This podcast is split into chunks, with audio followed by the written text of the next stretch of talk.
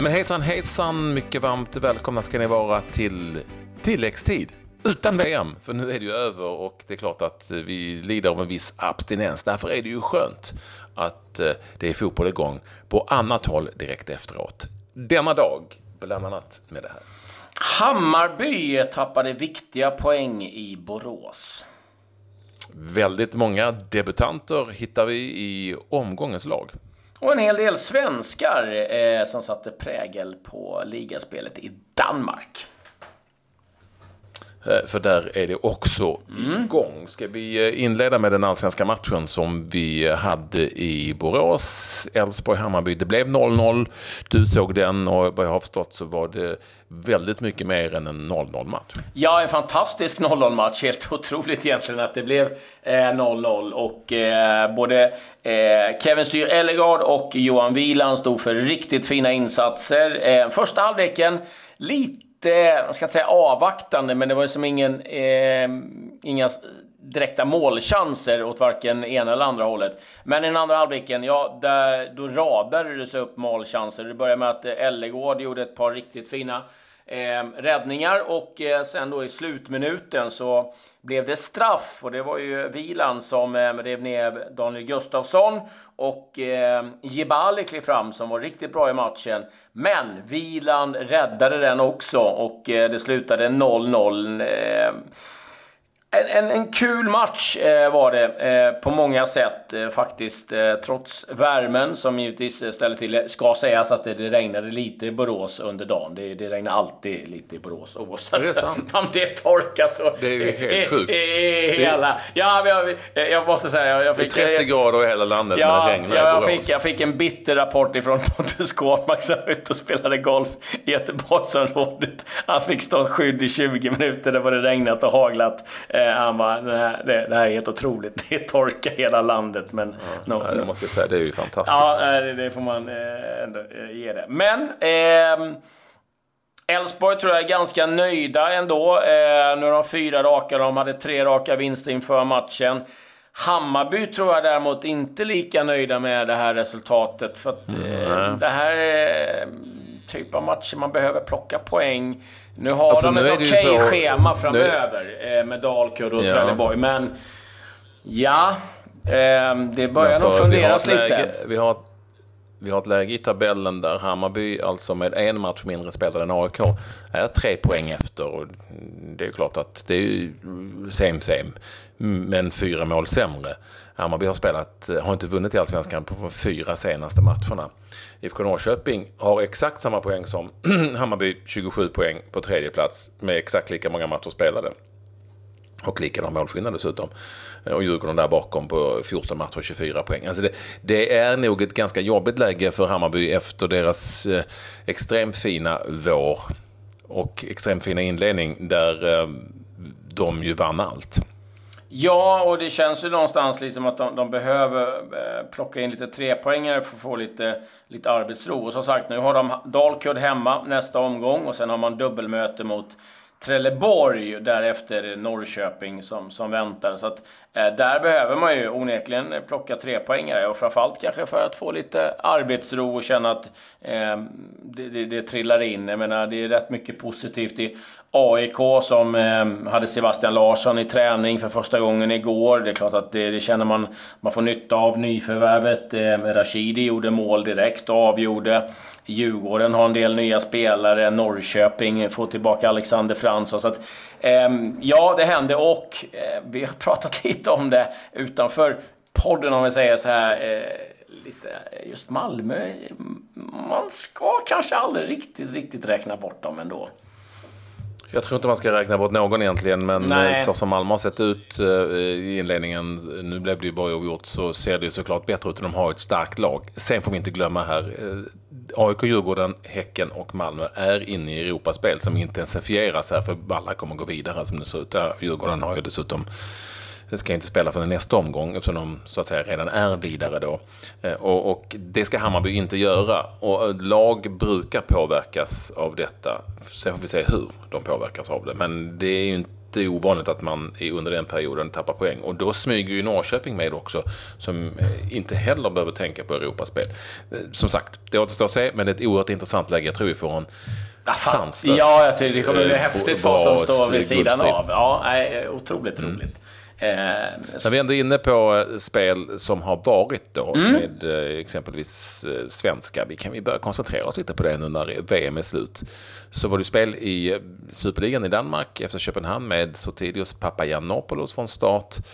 Ja, de fick en jobbig inledning på sitt hemmaspel. Förlust mot Horsens. Ja, det, det är inte riktigt nej, vad man brukar det, det, det, det, var inget, det var nog inget leende från Ståle Solbacken efter den matchen. Nej, det här, nej. efter förra säsongen så gäller det nog att de kommer ganska snabbt igång här, eh, FCK. Eh, med sitt Papagiannopoulos spelade hela matchen. Pierre Bengtsson kom in i 70 minuten och då ska vi säga att Viktor Fischer missade en straff för FC Köpenhamn i den 90 Eh, Eh, så det var förstås jobbigt på hemmaplan. Eh, samtidigt som Patrik Karlgren då gjorde sin första match, debuterade för Randers. Han är ju där numera efter sitt relativt misslyckade eh, besök i Turkiet. Han fick ju knappt spela alls där han var. Nu stod, stod han i mål här för Randers som förlorade hemma mot Brönnby som ju är en guldkandidat. Johan Larsson och Simon Tibbling spelade bägge från start. Ja, nu ska jag säga att Johan Larsson gjorde assist och så ska jag säga att Joel Allarsson, eh, tidigare IFK Göteborgsspelaren, startade också för eh, Randes. Eh, har ju varit där sedan en tid tillbaka. Ska jag säga att vi hade en svensk till i spel igår. Eh, får vi ju aldrig glömma någonstans. Eh, och eh, det var ju Valmer Berisha som satt på bänken. Nu är han där för Fjölnir.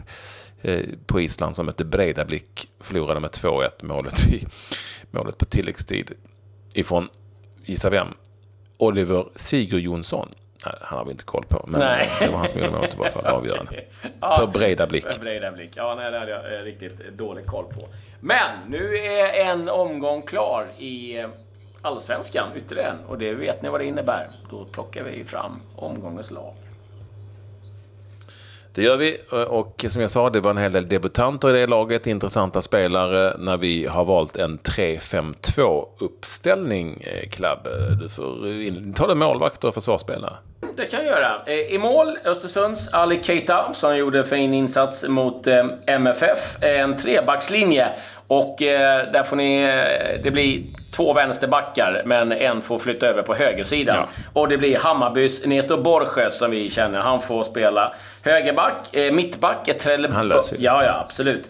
Trelleborgs Alexander Blomqvist stod för en riktigt bra insats mot Dalkurd och Jesper Arvidsson, Sirius. Eh, bra match och ett riktigt fint mål. Då får man också plats i omgångens lag. Ja, man får också plats i omgångens lag om man gör allsvensk debut och gör mål direkt i den. Eh, där hittar vi Rashidi, AIKs Rashidi, som ju gjorde ett väldigt viktigt mål borta mot Sundsvall som gav en 1-0-seger. Ah. Simon Tern var väldigt bra. Vad sa du? Ja, men en liten rättelse. Är jag fel på det? Ja, han gjorde inte allsvensk debut. Han gjorde debut för AIK. Han kommer från Dalkurd. Ja. Så är det ju. Han gjorde eh, all, AIK-debut i Allsvenskan. Ja. Simon Tern, IFK Norrköping, gjorde en strålande insats mot Häcken. Gjorde dessutom mål ganska snyggt sådant ifrån distans. Bashirou, Malmö FF, finns också på mittfältet. Där eh, Jesper Karlström, dessutom Djurgårdsspelaren, är efter att ha fått mycket beröm för sin insats mot Kalmar. Och Mike Sema, kantspelaren för Sundsvall, finns också på det femman i mittfältet, också längst fram. Ja, och eh, spjutspetsar då. Det är Paulinho Häcken och Elfsborgs Issam Jebali. Så där har ni laget, eh, omgångens lag. Och låt mig säga då att det var väldigt många målvakter som stred om en plats den här gången. Vi hade ju två stycken i Hammarby matchen i Borås. Eh, de kunde mycket väl ta en plats. Men vi valde slut Keita som är på egen hand i stort sett med hjälp av Saman Ghoddos räddade en poäng för Östersund i Malmö. Eh, och sen är det här med laget, det är många som undrar ibland. Ja, vi tar ju ut elva spelare som vi tycker är de som ska platsa. Ibland kan man hamna på lite olika positioner. Det är inget lag-lag vi tar ut, utan det är Nej. ett omgångens lag. Nej, vi, vi är inga förbundskaptener på det sättet. Vi tar Nej. bara de bästa. Viktigt att poängtera. Och vi ser ju eller har koll på alla matcher. Vi har koll på alla matcher. Mm. Det, är så, det är många ni som hör av er vill ju ha spelare bara för att de har varit bra i en match. Men vi ser ju och har ju koll på uh, alla andra matcher. Det är viktigt att poängtera också. Det är noga att poängtera. Mm. Och så... Det är omgångens spelare. Vi tar, vi tar dem direkt. Det är väl lika bra att göra ja, det? Det är lika bra. Och det, jag tycker att eh, det ska du göra. Ja, juryn har sammanträtt här och fick ju då rycka in samma kväll. Och och eh, valde då Simon Tern, IFK Norrköping. Simon Tern, IFK Norrköping, omgångens spelare. Vi gratulerar till honom. Han får ju en jättefin klocka dessutom från Carl Edmond. Grattis, grattis säger vi till Simon. Mm.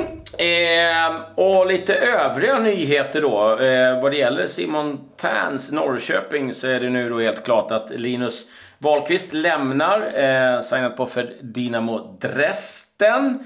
Eh, vi har lite rykten på spelare. Eh, Nicolas Stefanelli som haft lite ont om speltid i AIK ryktas faktiskt att gå på lån till Seattle. Vi får väl se lite vad som hände eh, med det där. Och eh, Jimmy Durmas, eh, Renn, uppges vara lite intresserad av eh, Durmas eh, tjänster. Det är ju lite av en svensk klubb. Vi har ju Jakob Johansson som har signat på det här. Vi vet ju sedan tidigare att eh, Erik Edman, Isak eh, Isaksson, Kim Källström, Petter Hansson har spelat där sedan tidigare. Eh, och sen eh, nu, eh, om man tittar lite utomlands så är det så att eh, eh Thierry Henry nu har valt att eh, satsa helhjärtat på att bli tränare. Han har sagt upp sig från Sky.